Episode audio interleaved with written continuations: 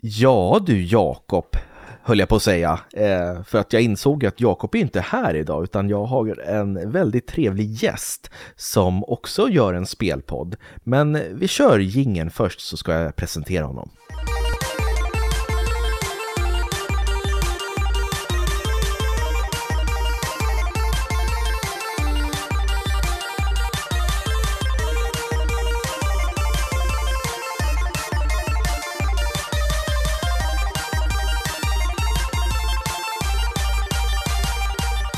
Sådär, varmt välkomna ska ni vara till spelkväll med Robin och inte Jakob idag, utan idag har vi med oss den eminente Andreas från Speldags. Varmt välkommen!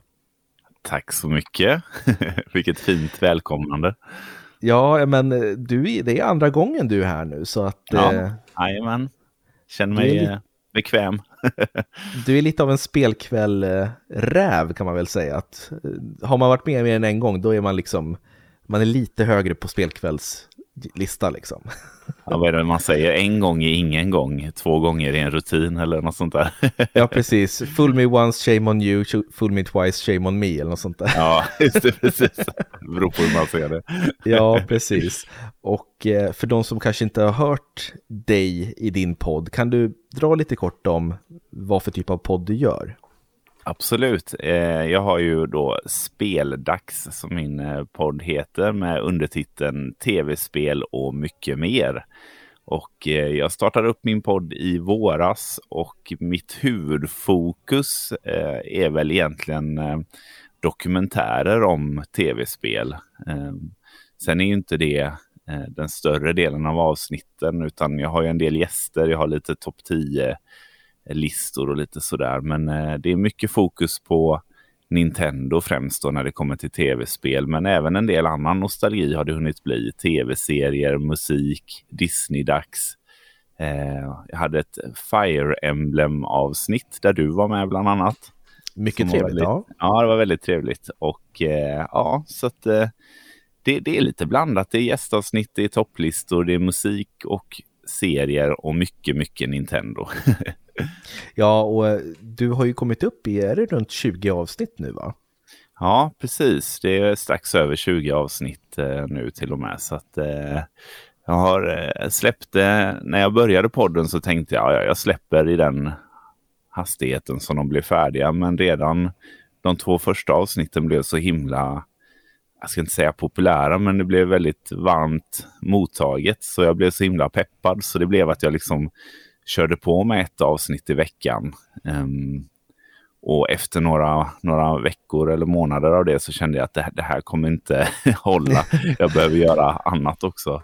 Ja. Eh, och vill göra annat. Eh, så att jag tog ett sommaruppehåll, samlade lite kraft och sen nu så eh, har det nästan blivit ett avsnitt i veckan ändå. Men jag har strukturerat det lite annorlunda och eh, inte lika nitisk kring det. Utan missar jag en vecka så så inte det är hela världen utan jag fokar lite mer på ja, mig själv och att, att få klart det i den takt som det blir färdigt. Liksom. Så att, um, mm. Men det ja. låter sunt, sunt och bra och du har ju en hel del Eftersom du har över 20 avsnitt så finns det många olika kategorier att välja mellan som du sa och det är så mm. kul att kunna komma in där och sen bläddra, ah men jag vill höra om Wii U historien om Wii U till exempel, eller om GameCube och så vidare. Så det är jättekul. Det ska bli kul att se vart du är om kanske ett år, där du, när du har dubbelt så många avsnitt och fördjupat dig mm. i fler ämnen. Ja, ja nej, jag har mycket den här listan med saker jag vill göra, den blir längre och längre. jag förstår det. Ja, men, men, det är väldigt jag, roligt. Jag är jätteglad över att du är här idag i alla fall och eh, ska gå igenom det här ämnet eller listan som jag har varit taggad på nu ett tag. Eh, ja. För vi, sist du var här så pratade vi om tio stycken drömspel till Switch som vi hade velat se. precis. Ja, det blev mycket eh. fokus på uppföljare. Eh, tio uppföljare som vi ville se på Switch typ. Precis, och ja. både du och jag är uppvuxna med Nintendo. Ja. Och har en brinnande kärlek och passion för Nintendo. Och jag har ju vidgat mig mer åt att liksom spela allting när jag kom in i tonåren, men innan det var det ju bara Nintendo. Och mm. då tänkte jag att det vore kul nu om vi gör ett Nintendo-fokuserat avsnitt, bara du och jag, och det är därför Jakob inte är här, för att Nej. han, han har inte så mycket att till, tillföra på den punkten tyvärr. eh, även ifall han är underbar på sitt sätt. Eh, men... Det här blir våran chans att bara gotta loss i, i det här. Exakt. ja. Så då tänkte jag att vi ska ranka eh, de spel från Nintendo, eller som finns på Nintendo-konsoler, som vi tycker är otroligt underskattade. Mm. Och eh, min tanke är då att eh, jag berättar vilket spel jag har på femte plats och sen berättar du din femte och så tar vi oss upp till det spel som vi tycker är mest underskattat. Ja. Och eh, det jag har tänkt då är att det behöver inte specifikt vara Nintendo som har utvecklat spelet men att det, det kanske är ett spel som, som är låst på en Nintendo-konsol och inte finns på någon annan och så vidare. Mm. Ja, så har jag också gjort. ja, vad bra. Ja. Eh, men eh, då tänker jag så att eftersom du är gäst så får du börja med din femte plats om Oj, ja, vad kul. du vill. Mm. Det är spännande nu, för sist när vi hade en sån här topplista då, då hade vi ju väl tre spel som vi valde samma tror jag. Jag tror det. Eh, ja, Kid Icarus, F-Zero och något mer här för mig.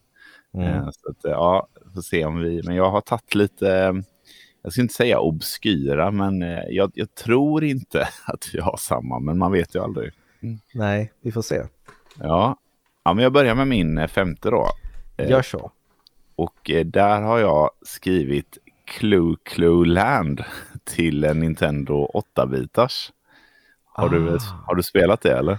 Jag har inte spelat, men är inte det här omslaget, det är typ som röda och gula blobbar som typ går på jo. styltor eller vad det är. Ja, precis. Det ser ut så. Ja. Men det är, eh, det är en bra beskrivning. Och det är väl eh, tack vare det här eh, ganska intetsägande omslaget som det inte blev så stort. Och det här är ju ett av de tidiga spelen kom 87 här i Sverige och tillhör den här svarta serien då med, med de här svarta boxarna som var de första Nintendo-spelen som släpptes. Eh, men det här är ett, jag tycker det här är svinkul och det har liksom ehm, eh, du har spelat eh, King of Swing va? Donkey Kong. Ja, precis. Game, ja. Game Boy Advance, ja. Precis. Exakt, precis. Det finns en på DS också, en uppföljare. Och där är ju liksom mycket av eh, spelmekaniken där är ju att man liksom roterar sig från från, liksom, ja nu gesterar jag här med händerna, det är ingen som ser. Men man svingar sig från en grej till en annan och det är, det är väldigt snarlikt då i Clue Clue Land. Så det, det, är väl på ett sätt kanske en Pac-Man-klon, men istället för att styra så grabbar du tag då i, i små kulor som gör att du svänger då höger, vänster och, och så vidare. Så att, mm. eh, jag tycker att det är ett väldigt charmigt eh, spel och eh, ja, precis i, i den här liksom i skiftet från arkadspel till tv-spel när man fortfarande liksom inte hade hittat en egen tv-spelsnisch utan det var mycket arkadkänsla över de här tidiga 8-bitarspelen. Så att, eh, ja, jag tycker att det är ett eh, väldigt underskattat spel och det är ju också utvecklat av Nintendo och eh, finns bara på Nintendo. Då.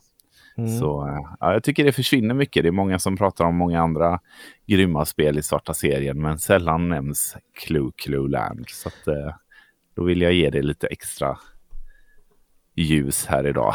ja men det var jättebra, för det där har jag sett många gånger, du vet, i, när man har tittat på andra personers eh, spelsamlingar och så vidare, så har ja. man sett Clue Clue Land och tänkt så här, ja ja, det där det finns ju överallt. Men jag har aldrig spelat det och det är Nej. ingen som pratar om det och det är ett jättebra val för att eh, jag känner igen det men jag har inte spelat det och det känns som att det är ett spel som är underskattat. Det aldrig, kommer aldrig upp på några listor liksom. Nej, nej, precis. Det är mycket annat där återigen från svarta serien som dyker upp men eh... Nej, inte, inte just eh, Clue Clue Land. Sen, det är ju alltså, det är inget magiskt spel, men det är kul liksom. Eh, det är ju ja. ingen av svarta serien-spelen som är särskilt, särskilt magiska egentligen, men, eh, men äh, jag det, det, är ett bra och roligt spel. Så. Ja, jag förstår. Ja, men jättebra. Ehm, jag tänker ta ett mycket mer känt spel kanske då. Mm. Om vi går in på min femte plats här. Ja, spännande. Det här är många känner igen det här, men jag tycker att det ändå är underskattat. Det pratas inte så mycket om det som det borde tycker jag. Och det är faktiskt det första Kid Icarus. Vad roligt att du, jag hade det som eh, Nej. mitt, jag, jag har inte längre på listan, men jag hade det på listan. Men jag tog bort det för jag tänkte, jag ska inte ha någonting som vi hade på listan förra gången. ja, det hade jag då. Okej, okay. ja. ja, tur att du tog bort ja, det. Nej, för att eh, då måste du också tycka att det är ett fenomenalt spel. Det är ju ja, ett. Sidoskrollande spel där du spelar som den här ängen Pitt eh, som ska rädda Palutena, heter hon, va? Tror jag. Ja, just det. Ja, eh, jag har amibon. just det, gudinnan ja. som från den onda gudinnan Medusa. Eh, och det är ganska simpelt upplägg egentligen, alltså det är som vilket action sidskrollande spel som helst egentligen. Men det har så mycket det... karaktär.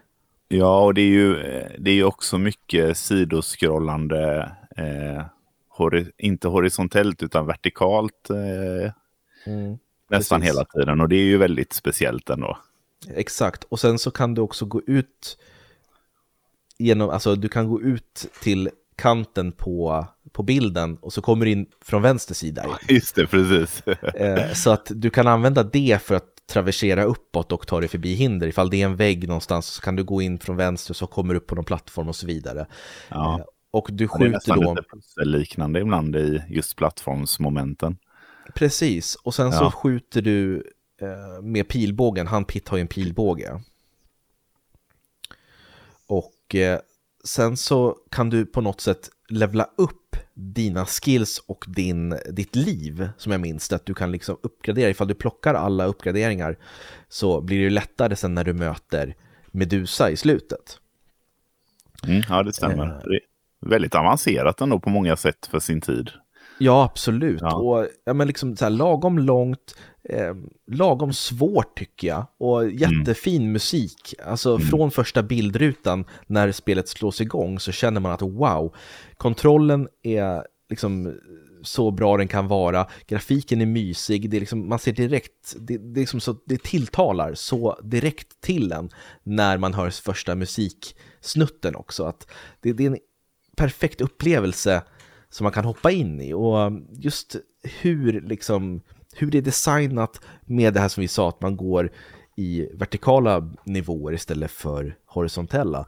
Det mm. blir mm. väldigt unikt och jag saknar spel att man inte har gjort det på det här stuket senare. För det, det, det, det finns ju bara Kid Icarus till NES och sen så finns det ju en uppföljare till Game Boy och sen så finns det ju Kid Icarus Uprising som kom till 3DSen och det tycker ja, jag att det, det var ju mer av en... spel egentligen, det är ju mer en shoot em up nästan. Precis, shoot em up ja. on rail grej liksom. Ja, sin and eh. punishment liknande spel typ. Precis, och det är inget fel ja. med det, men... Nej, verkligen inte.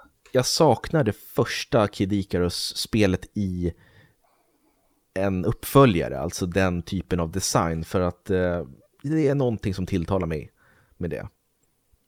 Ja, jag håller med. Jag, eh, det här är ju ett spel som eh, min moster hade när jag var liten.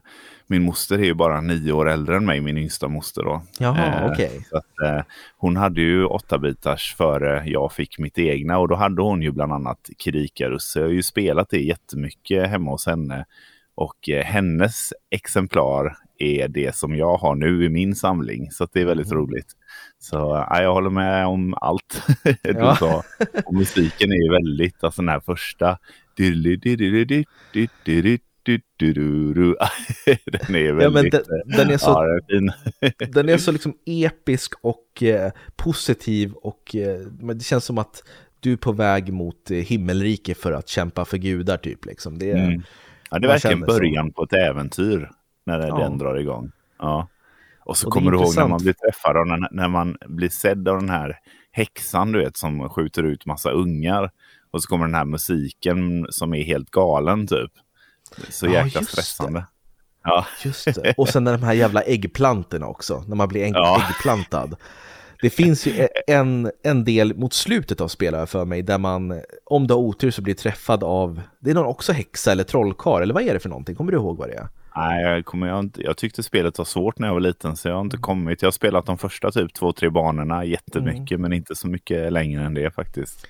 Nej, för då du kommer till någon bana och så är det någon typ av varelse som kastar äggplantor och får du den på dig då blir du äggplantad. Ja, då, just det, det känner jag igen. Ja.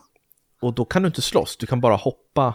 Eh, så då måste du ta dig till något specifikt rum för att hela och återställa dig till dig själv. Och det är så drygt för att du måste verkligen gå hur långt som helst och du tappar så mycket tid och då kan du liksom inte plocka upp alla power-ups och grejer. Så att det var ju nästan att man resettade spelet då när man blev äggplantad. Ja, äggplantad ja. ja, ja, ja men, bra val alltså. Tack, ja men det, det är kul att, att vi har samma, vi tänker väl lite lika där. Men eh, Pitt och Palutena, de äh, återkommer ju också i Super Smash Bros. Där de har fått eh, göra lite gästspel. Men ja. vi har inte fått något nytt spel nu på över tio år, så att eh, vi hoppas på att det kommer. Ja, det tar vi gärna. Gärna ett 2D, 2D Metroidvania i Kid Icarus-världen hade ju varit häftigt. Ja, det, det behövs inte mer. Det behöver, de gör inte 3D av det, utan för det Nej, behövs precis. inte 2D. Exakt, låt eh, Dread tillverkarna eller skaparna göra ett Kid Icarus. Det hade varit magiskt. ja, faktiskt. Ja, men du får jättegärna fortsätta med eh, din fjärde plats. Japp, ehm, och på min fjärde plats har jag eh, mitt, det nyaste spelet på min lista. Eh, och ja, jag gjorde lite, lite kort research här nu inför avsnittet och såg att det här har ju sålt ganska bra. någonstans runt två miljoner exemplar. Eh, så att jag vet inte om det riktigt faller under kategorin eh, okända spel eller sådär. Men jag, jag tycker att, eller inte okända, men ja, jag tycker ändå att det, det, får inte den uppmärksamhet som, som det förtjänar och det är Astral Chain på Nintendo Switch. Det alltså jag höll på att ha med det på min lista. Nej. jo, det är sant. Det är sant, det är helt sjukt. Men jag har inte det med. Men Nej. ja, go ahead. Nej, för att jag, det här var ju ett av mina, när jag köpte, jag var ju lite sen på bollen med mitt Switch, så jag köpte det eh, ett, nästan ett och ett halvt år efter release eh, och eh, spelade Super Mario och sen spelade jag Zelda. Och kort därpå så kom ju då Astral Chain eh, och det tyckte jag var så jäkla häftigt spel och det var så snyggt och eh, ja, spelmekaniken är ju väldigt komplicerad men den blir successivt komplicerad. Så de hade byggt upp det så himla snyggt i spelet. Eh, och det är en spännande story. Eh, ja, man är ju i är man i Tokyo eller är man bara i, liksom i, i Japan? Jag jag tror att det är någon typ av, det kanske inte är Tokyo per se, men någon typ Nej. av Tokyo-ish ja, stad. Liksom. Precis, alternativ eh, framtid eller sådär. Mm. Eh, om man är polis då och eh, eh får en sån här, ja de heter väl Astral det här eh, djuret. ja, precis. Man, det, det, är någon form av eh, det finns ju något astralplan och så kan man ta kontakt med det planet och hämta som typ kraftvarelser, bästar från astral planet liksom. Just det, precis. Jag inser nu att det kanske är därför det är underskattat, för att det är väldigt svårt att förklara det här spelet. Ja, precis. Men, men, det är ju Platinum Games som har gjort detta spelet, som också har gjort Bayonetta bland annat. Då. Eh, och det är ju ett hack and slash action-äventyr med Eh, alltså, ja, jag tycker det är faktiskt grym grafik. Än idag så tycker jag att det är ett av de snyggaste spelen på Switch och då släpptes ju detta, om det var 2019 tror jag. Mm. Um, och riktigt rolig combat. Jag spelade tyvärr aldrig färdigt det uh, för att det, det kom en flytt uh, mm. mitt i allt och sen när jag väl tog upp det och skulle spela det igen då var det väldigt svårt att sätta sig in i den här kontrollen igen. Jag hade kommit ganska långt också. Uh, så att jag har aldrig, jag har inte klarat det tyvärr men ehm, det vill jag gärna göra någon gång. Mm, ja, men det är ett fantastiskt spel och det som gör det så unikt i, om man jämför med alla andra hack and slash-spel, det är att det finns ju ett eh, läge eller en sektion i spelet som dyker upp återkommande där du faktiskt ska göra detektivarbete, att du ska undersöka ja, saker och så.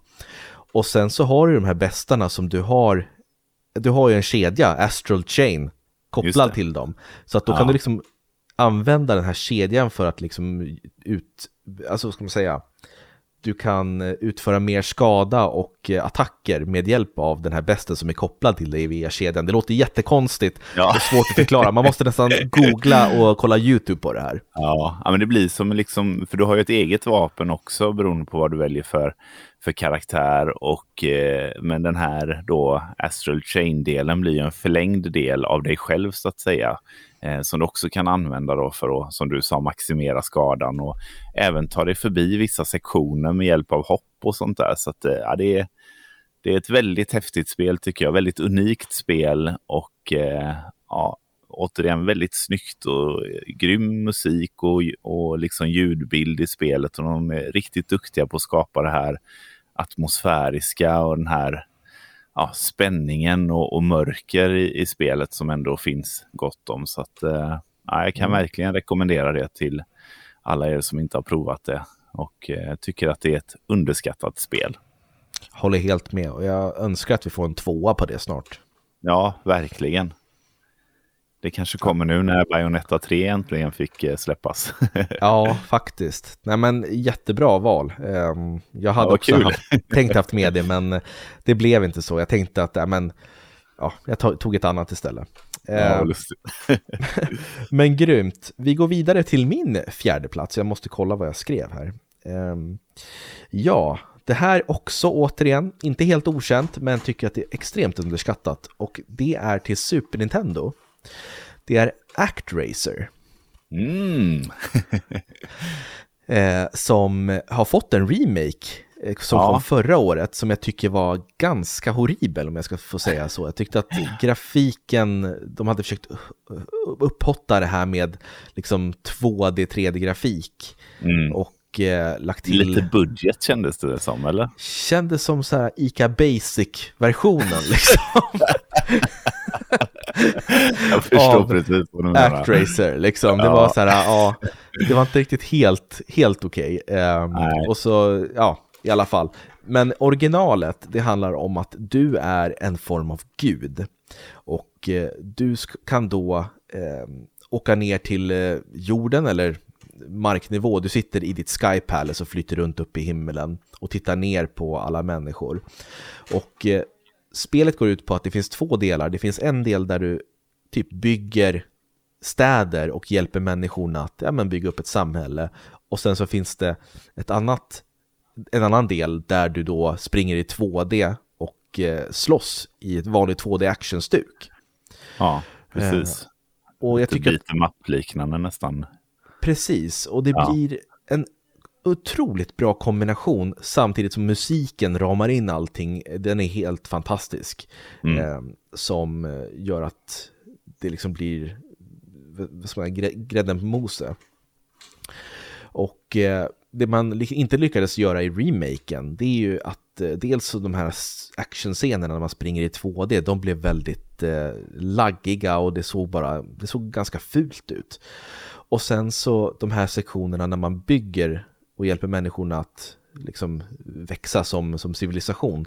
De delarna var, var för långa och i originalet då är det en ganska liten del, men det är precis så pass mycket så att du inte hinner ledsna på det, men så att det känns ändå som att åh, det här är ett roligt typ av gameplay. Mm. Eh, så att just ActRacer, det är någonting speciellt med det spelet och jag tycker att visst, många talar ju gott om de som har spelat det tycker att det är jättebra, men det, är liksom, det blev aldrig så pass eh, älskat så att det fick, det fick ju en uppföljare, Actracer 2, men ja. det blev ju bara helt och hållet 2D actionspel.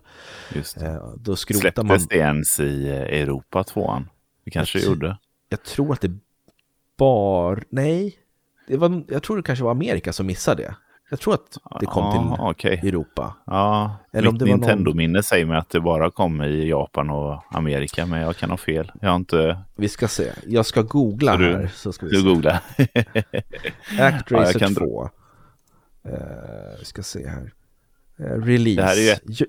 Japan, ja. Amerika och Europa. Så det kommer överallt. Ja.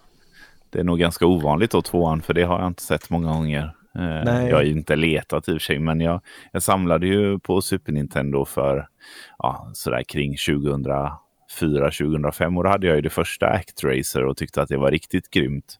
Mm. Och det mm. var ju ett sånt spel som jag aldrig hade spelat som liten så det blev ju en ny upplevelse för mig. Eh, och då vet jag att jag letade efter tvåan då men antingen så så hittade jag det inte eller så var det svindyrt. Jag minns inte, men jag köpte aldrig tvåan i alla fall. nej, nej okej, okay. nej men för den finns nämligen till eh, i alla regioner då. Men mm. det är just det, främst det första spelet som är one of a kind tycker jag. Det har liksom ja. aldrig kommit något spel som har påmint om det. Och sen nu när remaken kom så bara insåg att wow vad originalet är så mycket bättre än remaken. Ja, så jäkla otippad remake eller? alltså, jag fattar inte. Alltså... Nej, det, det... Jag, jag, det kom ju upp på den här directen som var om det var i våras eller somras. Våras kanske det var. Eh, och att den fanns att köpa direkt. Så jag bara så här, va?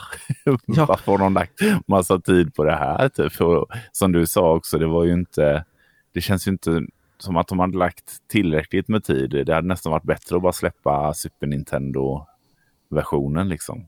Ja, precis. Den hade jag mycket hellre velat se att de hade lagt till den direkt efter presentationen. Men nu var det en remake ja. på ett spel vi har inte ens bett om den här remaken. Det är så här, men originalet Nej. är jättebra. Jag behöver inte ha en remake på det. Nej. Nej, och om det är någon konsol som liksom verkligen håller grafiskt sett så är det ju 16-bitars generationen. Mm. De, det är ju pixelperfektion redan liksom. Ja, ja, ja, absolut.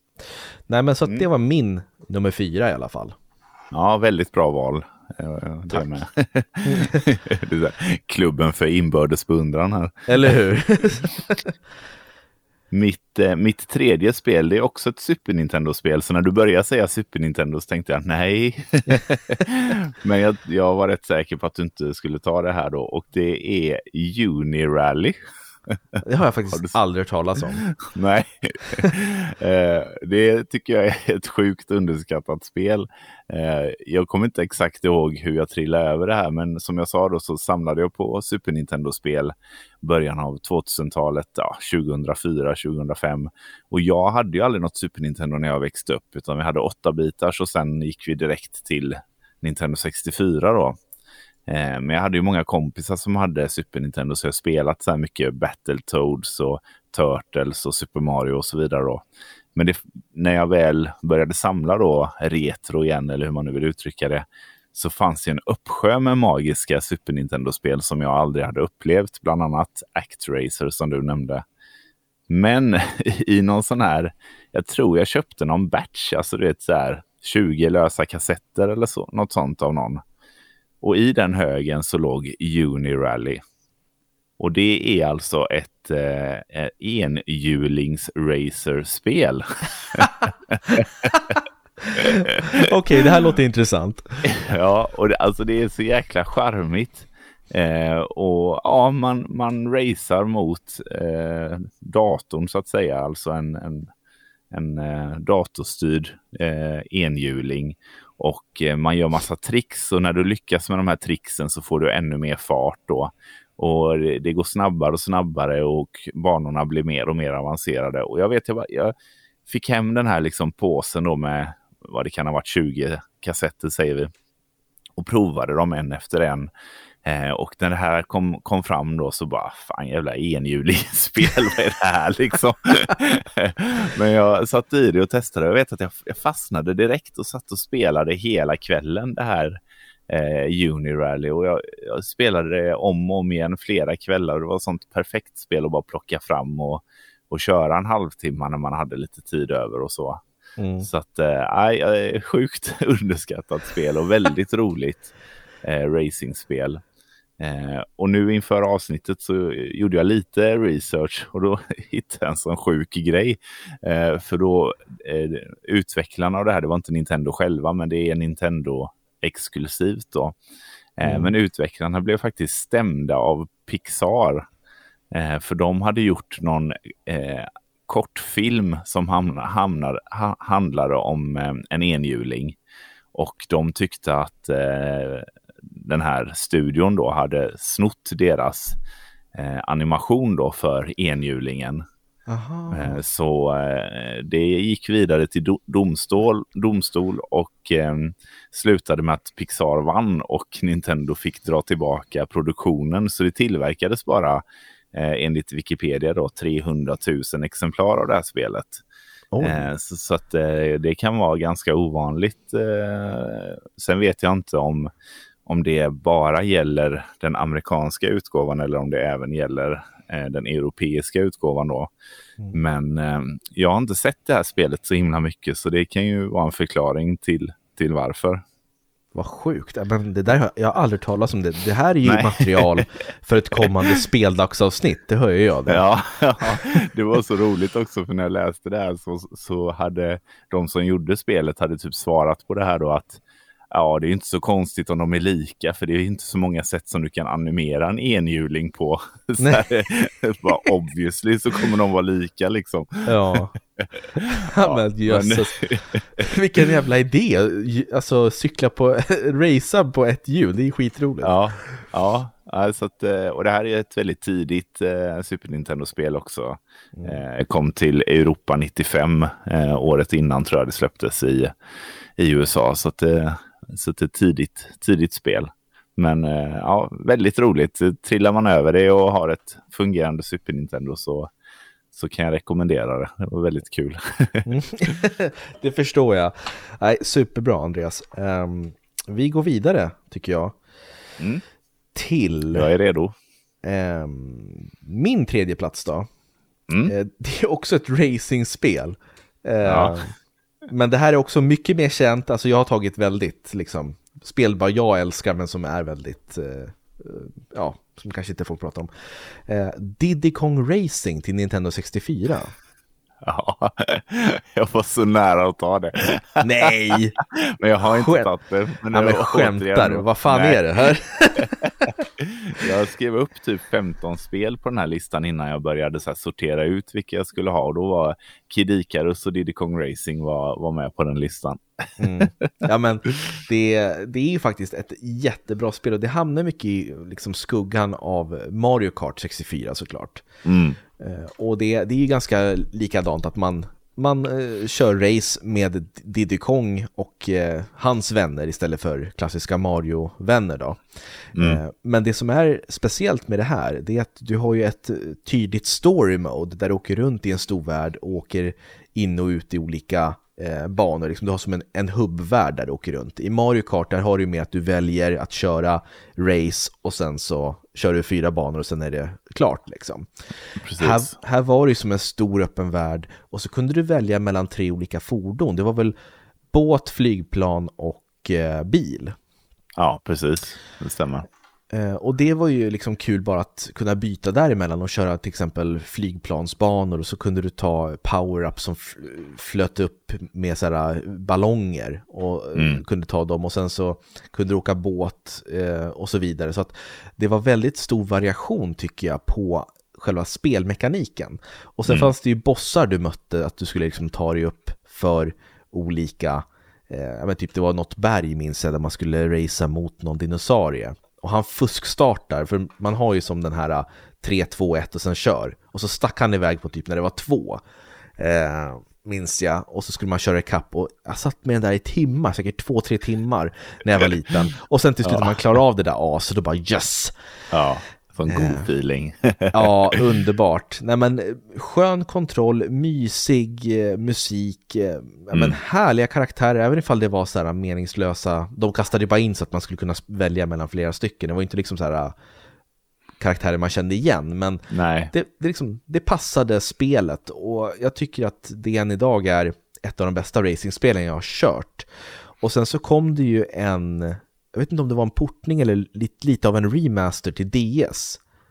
ja, det, jag tror att det är en ganska ren portning faktiskt. Eh, lite ja, som eh, precis. Super Mario 64. Det är väl lite sådana här quality of life ändringar mm. och anpassningar, men eh, det är ganska snarlikt det. Precis, och eh, jag tycker att man absolut kunde ha kört vidare på det här, även ifall jag förstår att man inte mm. vill konkurrera med sig själv när man har Mario Kart, så hade det varit kul om man hade tagit det här lite mer story mode-läge och ha en stor öppen hubbvärld. Ja, för Mario Kart har ju liksom blivit nästan mindre eh, det är ju mer och mer likt det här första spelet. Mm. Eh, så det, det hade varit roligt att ha någonting i, i ja, som du säger, där story mode, att man hade kunnat ja, göra mer av det istället. Mm. Jag vet att det var många som hyllade det här eh, Sonic All-Star Racing Transformed. Mm. Det har jag och jag spelat. bara, men det är ju, det är ju en Diddy Kong Racing-klon ju. ja, exakt. Ja, men så här, det var inget fel på det, men det var så här, men det är som Diddy Kong Racing. Ja, precis. Ju, exakt. Det var ju det. Eh, och sen, det kom ju också i samma veva, på Playstation kom ju Kart Crash, nej förlåt, eh, Car, Crash Team Racing hette det. Just det, med ja, Crash Bandicoot. Mm. Eh, och det var också lite samma, att det var som en en hubbvärld och man åkte mm. runt. Eh, så att de, de var ju lite lika, men jag tyckte ändå att eh, Diddy Kong var liksom strået vassare. Jag tyckte om världen och musiken och känslan bättre. Ja, det är väldigt uh, mysig musik i, i alla senare Donkey Kong-spel, tycker jag. Mm, mm, ja, men bra val. Tack! vi får se då ifall vi har samma på nummer ett. Ja. Två. Precis. Eh, är det min tur nu då? Ja, gärna. Ja, andra platsen. Då har jag på andra plats är det ett Game Boy Advance-spel som släpptes 2006 och eh, var exklusivt för eh, USA och Japan. Och spelet heter Drill Dozer. Ja, det här känner jag igen, men inte ja. spelat. Nej, eh, och det är ju ett eh, plattforms, eh, ganska klassiskt 2D-plattformsspel. Det är Game Freak eh, som har utvecklat det, de som skaparna av Pokémon. Eh, och eh, det här, jag minns när det här släpptes, och för det var ganska hypat. Det var, ehm, eh, jag, jag, vet inte om det var Game Reactor som tog upp det. Jag tror nästan det. Eh, att det var liksom ett häftigt 2D-plattformsspel. Och eh, du spelar som eh, ja, en tjej tror jag, nu minns jag inte vad hon heter. Men eh, premissen i spelet är att hon har en stor borr helt enkelt. Ehm, och eh, den används för olika mekaniker att ta sig igenom väggar och, och så vidare, men också för att låsa upp olika dörrar och, och, och sådär. Så att ehm, väldigt eh, innovativt plattformsspel får man ändå säga. Eh, så att jag importerade detta back in the day och hade det på mitt Game Boy Advance. Och det häftiga med detta var också att eh, det, det, var eh, ett Rumble Pack inbyggt i kassetten.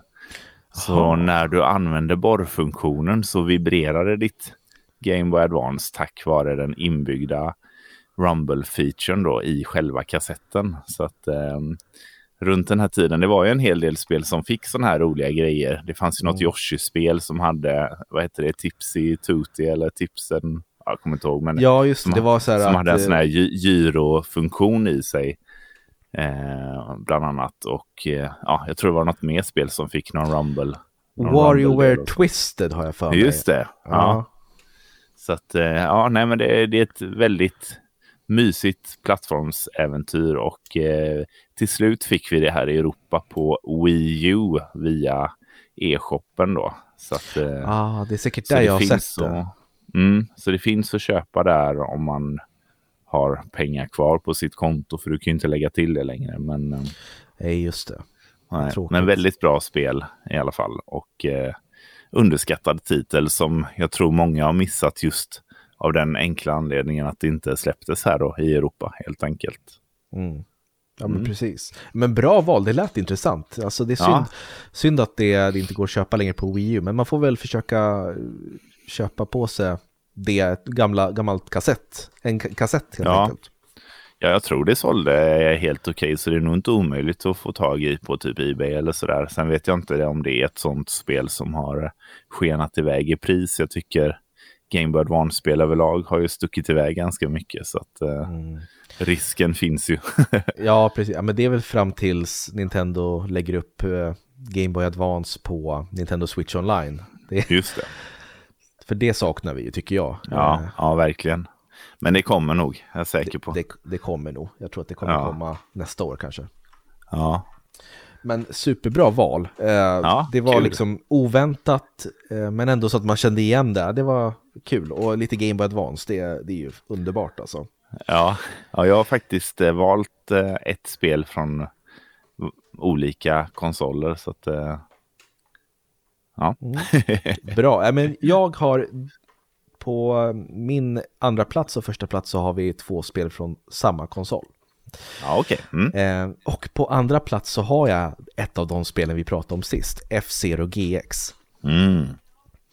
Det här futuristiska racingspelet där du kan bland annat spela som Captain Falcon som förekommer eh, i Super Smash Brothers-serien. Just det. Eh, och det här är ju klassisk racing egentligen fast i flera tusen kilometer i timmen. Ja. eh, och eh, banorna är liksom så här att du kan åka i loopar och på väggar och grejer. Det är så här leker med gravitation lite grann och att du kan eh, krocka ut dina motståndare så att de, de dör. Eh, och så kan du själv explodera och dö ifall de är tuffa mot dig och krockar i väggarna så tappar du eh, energi och sen så finns det vissa plattor i i eh, marken som du kan åka på som gör att du återfår hälsa eh, så att du inte exploderar. Då. Eh, och det är bara underbart upplägg. Det är liksom roligt, skön kontroll, grym, liksom lite hårdrocks technomusik liksom. Och, ja, eh, riktigt bra soundtrack är det. Ja, faktiskt. Ja. Och, och sen så finns det ett story mode som jag tycker är svinsvårt även på ganska lätt nivå. Ja, eh, ja. och eh, liksom bara ett, ett helhetspaket. En racer som är så unikt och olikt allt annat som finns på marknaden. Om man liksom jämför mm. Mario Kart med F-Zero GX, det, det, går liksom inte. Det är nej, helt nej, det är olika spel. Två olika eh, vad heter det? kategorier nästan. Ja, faktiskt. Ja. Så att eh, det här hade jag velat se, bara, bara liksom porta det till Switch. Du behöver inte mm. göra någonting, bara lägg över det på Switch. För att mm. Eh, F-Zero har inte, liksom F-Zero och GX, det är sen dess har vi inte sett det på, på en, en stationär konsol hos Nej. Nintendo. Nej. Och det är så tråkigt för att de, de skulle kunna göra det och göra en revival av hela serien och sen eventuellt göra en, ett helt nytt spel i serien. Mm. Men jag vet inte varför. Jag vet inte heller varför, men det är, det är ju otroligt snyggt också. Alltså fortfarande ja. idag är det ju ett eh, supersnyggt spel. Eh, och jag vill minnas att det släpptes ganska tidigt in på... Jag tror det var typ 2003, eh, alltså typ efter första året GameCube ja, hade varit ute. eller hur? Precis, jag har också för mig att det var väldigt tidigt. Så att, eh, de, de gjorde något, någon Nintendo-magi skedde när de skapade det spelet. För det är ruskigt snyggt eh, än idag. Eh, men också som du säger, det är väldigt svårt. Ja. eh, men eh, de har ju verkligen skapat med musiken och grafiken och så det, det, det gifter sig väldigt fint så att de har ju skapat en väldigt fin atmosfär med, med de här eh, lite tyngre, nästan industriella industrirocksmusiken eh, ihop med mycket svart och rött i, i banorna och sådär. Det, det är riktigt, eh, det är en häftig upplevelse är det. Mm. Och sen, jag älskar att man låser ju upp fler, man kan köpa fler eh, förare och eh, racingfordon då. Mm. Och så kunde man läsa på, de hade som någon slags galleri där man kunde titta på eh, bakgrundsinformationen om karaktärerna och då spelades en personlig låt för varje karaktär. Som liksom, Just det, eh, jag skulle igen när du säger det representera dem då. Och jag älskade, mm. vissa av de här låtarna älskar jag, de skulle lätt kunna bli hits på radio liksom. Så jag ja. brukade gå in där och så bara inte spela spelet, utan jag gick in på galleriet och så här, lyssnade på Captain Falcons låt och så gick jag så här till Mrs Arrow, kommer jag ihåg att hon hette. Hon hade också så här ascool låt och ja, men det fanns jättemånga sköna låtar och karaktärer. Mm. Ja. Så att nej, Nintendo, om ni hör det här, eh, var snälla och låt F-Zero GX komma, liksom lämna GameCube och komma till Switch. Mm, ja, precis. Det, det räcker med en widescreen, widescreen eh, version liksom. Ja, ja, eh, absolut. Det hade ju räckt. Ja. Det kan ju inte vara så svårt. Nej, eller hur? Gör det bara. ja, precis. Säger, säger vi som sitter här. Ja, precis. Ja, tryck på den här HD-knappen på datorn bara. Så. precis, och så bara upload till e-shoppen. Precis. Jag hade köpt det direkt när jag 400 kronor direkt från mig alltså. Absolut. Jag kan också säga, jag skulle lätt köpa det för Jakobs pengar. Så att, eh, Ja. Nej men bra. Nej men nu så, nu är det dags för första platsen Nummer då. ett, ja. Nummer uno. Och vad har du Exakt. valt? Ja, jag, jag tog faktiskt ett spel då från våra, våran förra lista. Eh, för att, eh, ja, jag, när, när du skickade, när vi pratade om detta och du skrev så här, ja men fasen, vi, vi kör liksom så här spel som spel som vi tycker är underskattade. Det, det första som dök upp i mitt huvud det är detta spelet då. Eh, och det, det släpptes till Nintendo Wii och det är Excite Truck. Ah, det är en av release-titlarna. Eh, Ja, nej. Var det inte det? Nej, det var det nog inte. Möjligt att det var det i USA, men, jag, men det är tidigt är det. Eh, men jag tror inte det var release-titel. Men eh, Vänta, jag måste- live, Jag måste live-googla? googla. Ja, för, för jag, jag, för mig, jag, minns, jag minns releasen av Wii så otroligt mycket och jag minns att det släpptes 19 november i Amerika. Jag tror att det var där det kom ut som release-spel. Det har du helt rätt i. Eh, men jag minns att det var ett av dem, ska se. Det är ganska tidigt, men jag tror inte att det var release i... Eh, Nej, inte i Europa. The game was Nej. one of the Wii launch titles in North America, precis. Ja. Och sen, Ja. i, sen i Europa kom det ut eh, februari 2007. ja, men skönt, då hade vi bägge rätt. Ja, Underbart. det spelar ingen roll. Alltså, jag menade inte att försöka rätta det, utan jag bara, Nej. jag bara, jag bara vill själv veta att det, minns jag rätt då var det så, men det stämmer, Ja. helt rätt. Ja. Ja, nej men så... eh, och, och det här är ju ett spel som jag var ju jättesåld när, när Wii släpptes och eh, köpte väldigt mycket spel som kom då. Jag köpte på releasedagen köpte jag fyra, fem spel och, och, och var, ja, jag var på Wii-tåget helt och hållet. Eh, så det här var ett av de spelen som jag köpte vid release faktiskt.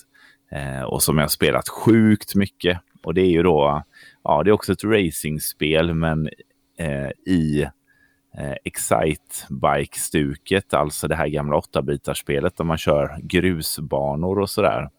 Eh, men detta är ju då i 3D och det är sjuka hopp och det är eh, man gör, man gör eh, volter och andra trick, allting för att liksom maxa upp sin poäng för att man ska kunna köra snabbare och så vidare. Så att Eh, det är ett väldigt roligt och unikt, tycker jag, racingspel för att du kan fortfarande vinna trots att du inte kommer först. För att det som räknas ihop är din sammanlagda poäng.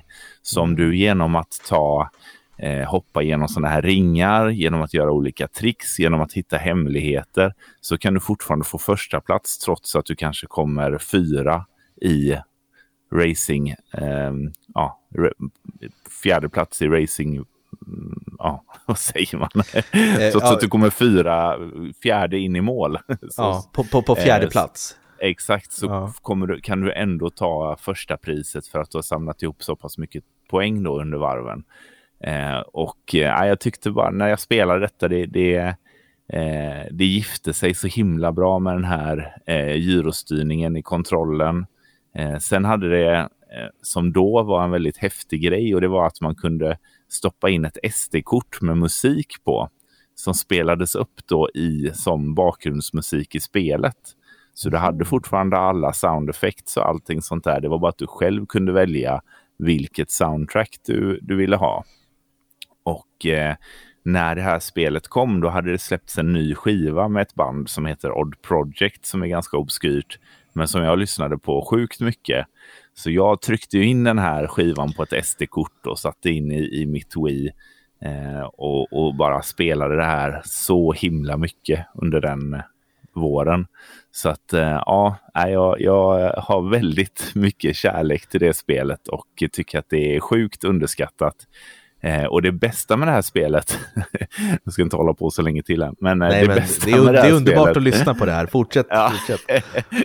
det bästa med det här spelet är ju att det är så sjukt billigt idag. Alltså det kostar typ 40 spänn liksom. Ja. Eh, så att eh, det finns, om, om man tycker att det ens är lite kul med racingspel och har liksom 40 kronor liggandes så, och ett Wii då så, så kan jag verkligen rekommendera att man tittar på detta för att det är ett eh, magiskt spel. Eh, jag hade så roligt med detta så att eh, ja, nej, väldigt underskattat och tråkigt att det inte har kommit några fler spel i serien. Det kom ju en uppföljare som hette Excite Bots mm. där man eh, körde lite mer ja, Transformer-liknande eh, bilar eller vad man ska säga. Men det släpptes bara i USA och Japan då. Mm. Eh, så jag har det spelet faktiskt, men jag har inget moddat eller regionsfritt Wii, så jag har aldrig kunnat spela det. Men jag har det i samlingen ifall jag en dag skulle få möjlighet att testa det. Så att, eh, men jag hade gärna sett en uppföljare på det, eller en HD-variant eller någonting sånt. Sjukt mm. bra spel. ja, men kul att höra för att det här är faktiskt ett av de få Wii-spel som jag aldrig köpte. Det, liksom, det flög under radarn för att jag, jag var helt, alltså så laddad som jag var inför Wii har jag aldrig varit mm. i hela mitt liv. Det var liksom helt rätt ålder, jag var 14, skulle fylla 15. Ja. Eh, eller var jag 13 och skulle fylla 14? Nej, 2006. Skulle... Ja, precis. Ja, men, ja, men då var jag, då var jag 15. 15 var jag. Ja. Mm. Ehm, och eh, minns att de sa att men Wii släpps i Amerika 19 november och jag bara shit, okej, okay, när får vi det då? Och det var 8 december släpptes för oss Just då. Mm. Och då var Excite, by, eller Excite uh, Truck release i Amerika, men det var inte det i Europa. Och av någon Nej. anledning så, så köpte jag inte det när det släpptes sen senare i Europa. Det, liksom, det blev aldrig, jag köpte alla andra spel, jag köpte Red Steel, eh, Zelda, Twilight Princess, alla Rayman andra spel. Rabbids. Rayman Rabbids, alla de där på release-datumet. Så köpte jag tre extra Wiimotes och Nunchucks. Oh, jag hade allt liksom. Jag hade sparat... Du var en rik 15-åring. jag hade sparat allt från mitt sommarjobb eh, den ah. sommaren till att kunna ja. köpa allt. Um, och sen så, ja, sen så glömde jag bort det helt enkelt. Och sen, sen, sen dess så har jag alltid tänkt så här, gud, undra om det där hade varit kul, alltså ifall det var ett bra spel. Och nu får vi ju helt klart bevis på det eftersom du berättar att det är etta på din lista över underskattade spel. Ja. ja jag vet inte om det gick under radarn lite för eh, eh det kom ju Playstation 3 kom ju med Motorstorm som var ganska snarlikt i, till ytan i alla fall. Så jag vet inte mm. om det var därför som det liksom, eh, ja, folk glömde bort det eller såg förbi det eller så. Men, eh, ja, men jag minns bara att mm. jag hade så, så kul med eh, Zelda, Twilight Princess och Wii Sports. Så att det var mm. så här, det bara, tiden gick på och sen så missade jag det. Mm. Ja, nej men det, jag, jag förstår att, alltså så här, för det det ser inte så märkvärdigt ut på omslaget. Det ser ut som ett ganska generiskt eh, rallyspel typ nästan. Mm. Så att eh, man ser nog inte storheten i det bara på, på asken liksom. Så att, eh, och det var ju ett fullprisspel när det släpptes så att det är inte så konstigt om man prioriterar något annat. Men eh, idag Nej. som sagt kostar typ 40 spänn. Så att eh, du får köpa ett nu efter vi har gjort färdigt avsnittet. jag, jag, tycker det, jag tycker det. Ja, men nu i efterhand så hade jag mycket hellre köpt det på release än, än Red Steel. Det var ett jävla skitspel. Red Steel, ja. Fy fan vad det var jag dåligt. Jag köpte också Red Steel ja, på release. Ja. Fruktansvärt dåligt. och jag ville gilla det, för jag, så här, du vet, jag satt med den här jävla kontrollen och bara, ja, men det är nog bra ändå. Det är nog bra, för det såg så coolt ut i liksom, videon som de hade ja. hypat upp eh, inför och så. Men nej, det var aldrig så bra. nej, det funkar. Det fanns ju två delar. Du skulle skjuta, då höll du Wiimoten som en vanlig pistol och sen så skulle mm. du slåss med svärd. Eh, och de svärddelarna, de var ju fruktansvärda. Det var ju helt ja, ja, ore... Liksom, fast ingenting man kunde göra för att liksom, responsen fanns inte där. Nej. Ja, tvåan yes. är bättre, men... Eh, ja, men det, det ja. var helt annorlunda i och för sig. Det var ju ja, så western-tema. Men, och så hade det ja. motion plus-stöd också. Så att, eh. Ja, just det. Men nu är jag ju jättenyfiken på, på ditt etta. På din etta, det är ett GameCube-spel ja. förstår jag då. Jag, jag har ja. en liten, liten eh, aning om vad det skulle kunna vara, men eh, ja. take it away. ja, tack så mycket. Nej, men, nummer ett på min lista är Button Kaitos Eternal Wings and the Lost Ocean. Mm. eh, var det det du... nästan det. Ja, du ja, misstänkte det. det. Ja. ja. eh, för, för, det här är ett av de bästa spelen jag har spelat i hela mitt liv. För att det är ett av de spel som verkligen fick mig att känna någonting. Eh, det är ett japanskt rollspel som är så pass annorlunda att eh, det liksom, du slåss inte på ett traditionellt japanskt rollspelsvis utan du dras in i strider eh, och istället för att liksom välja kommandon i menyer som det är i till exempel Final Fantasy och Dragon Quest och så vidare så väljer du olika attacker och eh, försvarsmanövrar eh, via en kortlek. Så det kommer upp kort på skärmen och så väljer du korten. Liksom. Det är en bild på ett svärd, men då använder jag det. Och så är det kanske en bild på en sköld, då använder jag det. Och sen så allt eftersom så får du nya kort. Du kan utöka din kortlek så att du kan använda fler kort under samma omgång under striderna. Och sen så är det ett eh, fantastiskt soundtrack som är skrivet av Motoi Sakuraba som är, alltså det här är ett topp 10 soundtrack till ett spel som jag någonsin har mm. hört. Eh, och berättelsen är helt fantastisk. Det, det är liksom, till och med berättelsen är väldigt unik för det utspelar sig uppe i himmelen. Alla kontinenter svävar i luften så ingen har varit nere på marken. Det är ett stort tjockt gasmoln där nere som är giftigt så att alla lever uppe på de här kontinenterna. Och man spelar som Callas, en eh, blåhårig kille som försöker hämnas sin farfars eh, eh, död för han blev mördad av en elak farbror kan man säga. Och sen så råkar Callas springa ihop med Kjella, en ung kvinna som är på ett helt annat eh, äventyr och har en helt annan och nästan viktigare uppgift. Och så vävs deras öden ihop och sen så visar det sig att liksom, det är mycket, mycket större än vad de trodde från början. Och det är twister, det är fantastiska karaktärer, musik som är underbar, miljöer som är helt otroliga, alltså grafiken är fantastisk på GameCube.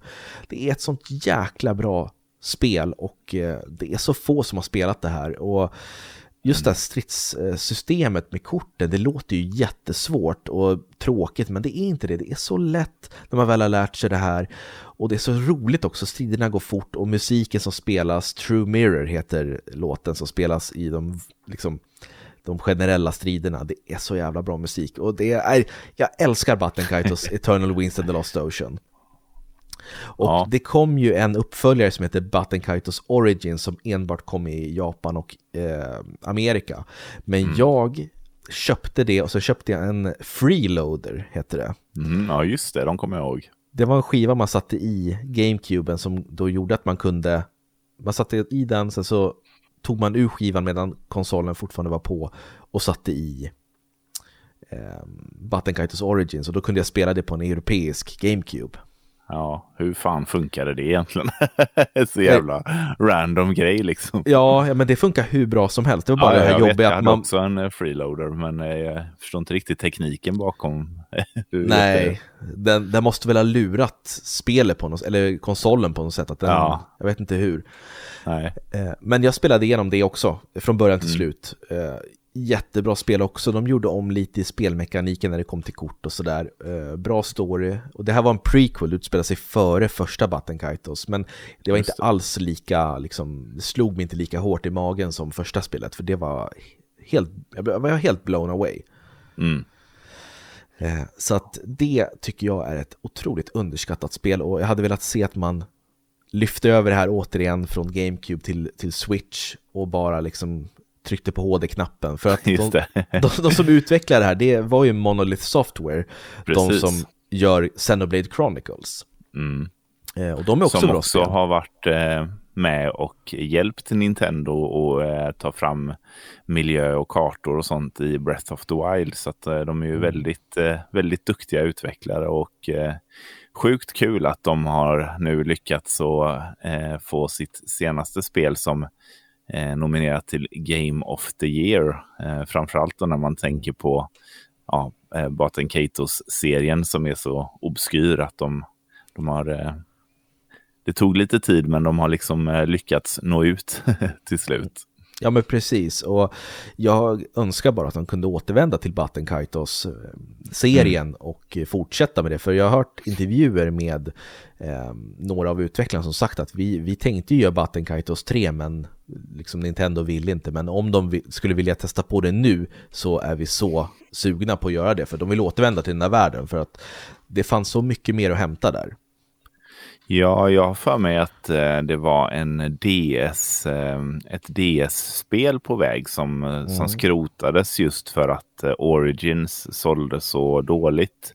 Det stämmer. Eh, men eh, samtidigt så är det lite orättvist för jag har för mig att Origins släpptes ganska sent in i GameCubens liv så att det var inte, det är inte så mycket som sål, säljer så bra i slutet av en konsolgeneration, framförallt inte GameCube då. Så, så att, eh, ja, nej, jag håller med. De borde få eh, förnyat förtroende, framförallt nu efter eh, Xenoblade Chronicles-succén som har svept över världen. Mm, ja, men precis. Och just Xenoblade Chronicles 2 som jag spelat, det tyckte jag påminde väldigt mycket om Button Kaitos, för då, det var mycket om att det var kontinenter uppe i skyarna. Just liksom. det, ja det stämmer. Så där kände jag verkligen att det var Button Kaitos... Lite nudge. Ja, precis. Men ja. Inte, inte det här som jag verkligen vill ha. För att det, jag har aldrig spelat ett så unikt och eh, mysigt rollspel faktiskt. Det är mm. helt otroligt. Shit, ja, jag blir sugen på... Jag har ju spelat detta men eh, för länge sedan. Så att, eh, mm. Och jag tror inte att jag spelade klart det. Så att, eh, eh, eller jag vet att jag inte spelade klart det. Utan eh, jag, jag kom en bit in och sen ja, var det något annat som lockade. Jag minns inte exakt, men, mm. eh, men du säljer in det väldigt bra. Så att, eh, ja, tack. Ja, jag är sugen på att köra det. Om du har eh, spelare för att det är så Ja, men det har jag faktiskt. Ja, mm. ja, men gå och spela. Sen spelar du Origins efter, om du har det. Ja, det har jag inte, men jag kan låna ditt kanske. Ja, det går bra. ja, så får du låna mitt Excite Truck. ja, och eh, Clue, vet du det, Clue Clue Land också. Just det, precis. Ja, det har jag faktiskt ja. på näst. Det kan du också låna om du vill. Schysst. ja, men, ja, men fasen, det var en gedigen lista här tycker jag ändå med, eh, med bra variation och eh, ja, brett spann både i genrer, eh, år, år och eh, eh, konsoler. Jag håller helt med och nu kanske det finns många som lyssnar som säger att men, de här spelen är mycket mer underskattade. Men ni får gärna, gärna kommentera det här eh, avsnittet och skicka in eh, ja, med era synpunkter och så på podcastnabelaspelkvall.se eh, eller bara skriva där vi, där vi finns helt enkelt i sociala medier och så vidare. Mm, och, eh, absolut. Vi, vi finns ju som sagt där poddar finns och det finns ju du också, Andreas. Du finns ju också där poddar Jajamän. finns. Och finns du finns också finns. på YouTube. ja. ja, lite grann eh, sakta men säkert så eh, försöker jag att få ut lite YouTube-material under eh, Speldags podcast då, i ett ord. Mm. Sen, eh, sen när det kommer till sociala medier så är det väl Instagram primärt som jag använder. Där heter jag ju kort och gott Speldags. Så där får man gärna följa mig och skriva ett meddelande så eh, blir jag glad.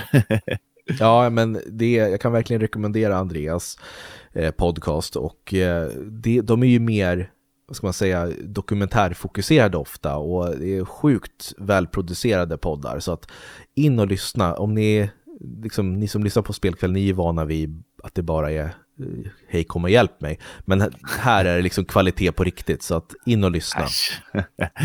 ja, men jag tycker ändå att dina, att dina nördprat och så, det är ju lite samma, samma stuk som eh, som mina sådana här eh, dokumentärliknande. Så att, eh, ja, det finns ändå lite gemensamma faktorer. Ja, jo, absolut. Men jag, ja. skillnaden är väl att du, du har ju liksom proffsigt manus. Jag eh, sätter på micken och sen så pratar jag från det jag kommer ihåg. ja, det är allt. Men det är mysigt det med. Ja, tack. Ja. ja. men det är bra. Ja, ja, ja, men vi ska inte sitta och hålla på, hålla på så här, det är löjligt. Men... Eh, jo, vi kör en stund till. ja, precis. Ja, men jag tycker det där är bra det du gör. Men du ja, då? Men du då? Vi gör så här att ja. vi avrundar dagens avsnitt där, så tackar så mycket återigen för att du har kommit och tack för att ni har lyssnat. Och så hörs vi snart och glöm inte bort att vi har uppesittarkväll 30 december klockan 20.00 med massvis av priser och vem vet, ni kanske får höra andra poddare i vårat avsnitt, vem vet? Just det, det vet man aldrig. Nej. nej. Så vi ses och hörs och ha det otroligt bra nu Andreas, så hörs vi snart. det gör vi. Bra. Ha det fint. Ja, ha det gott. Tack. Hej. Hej.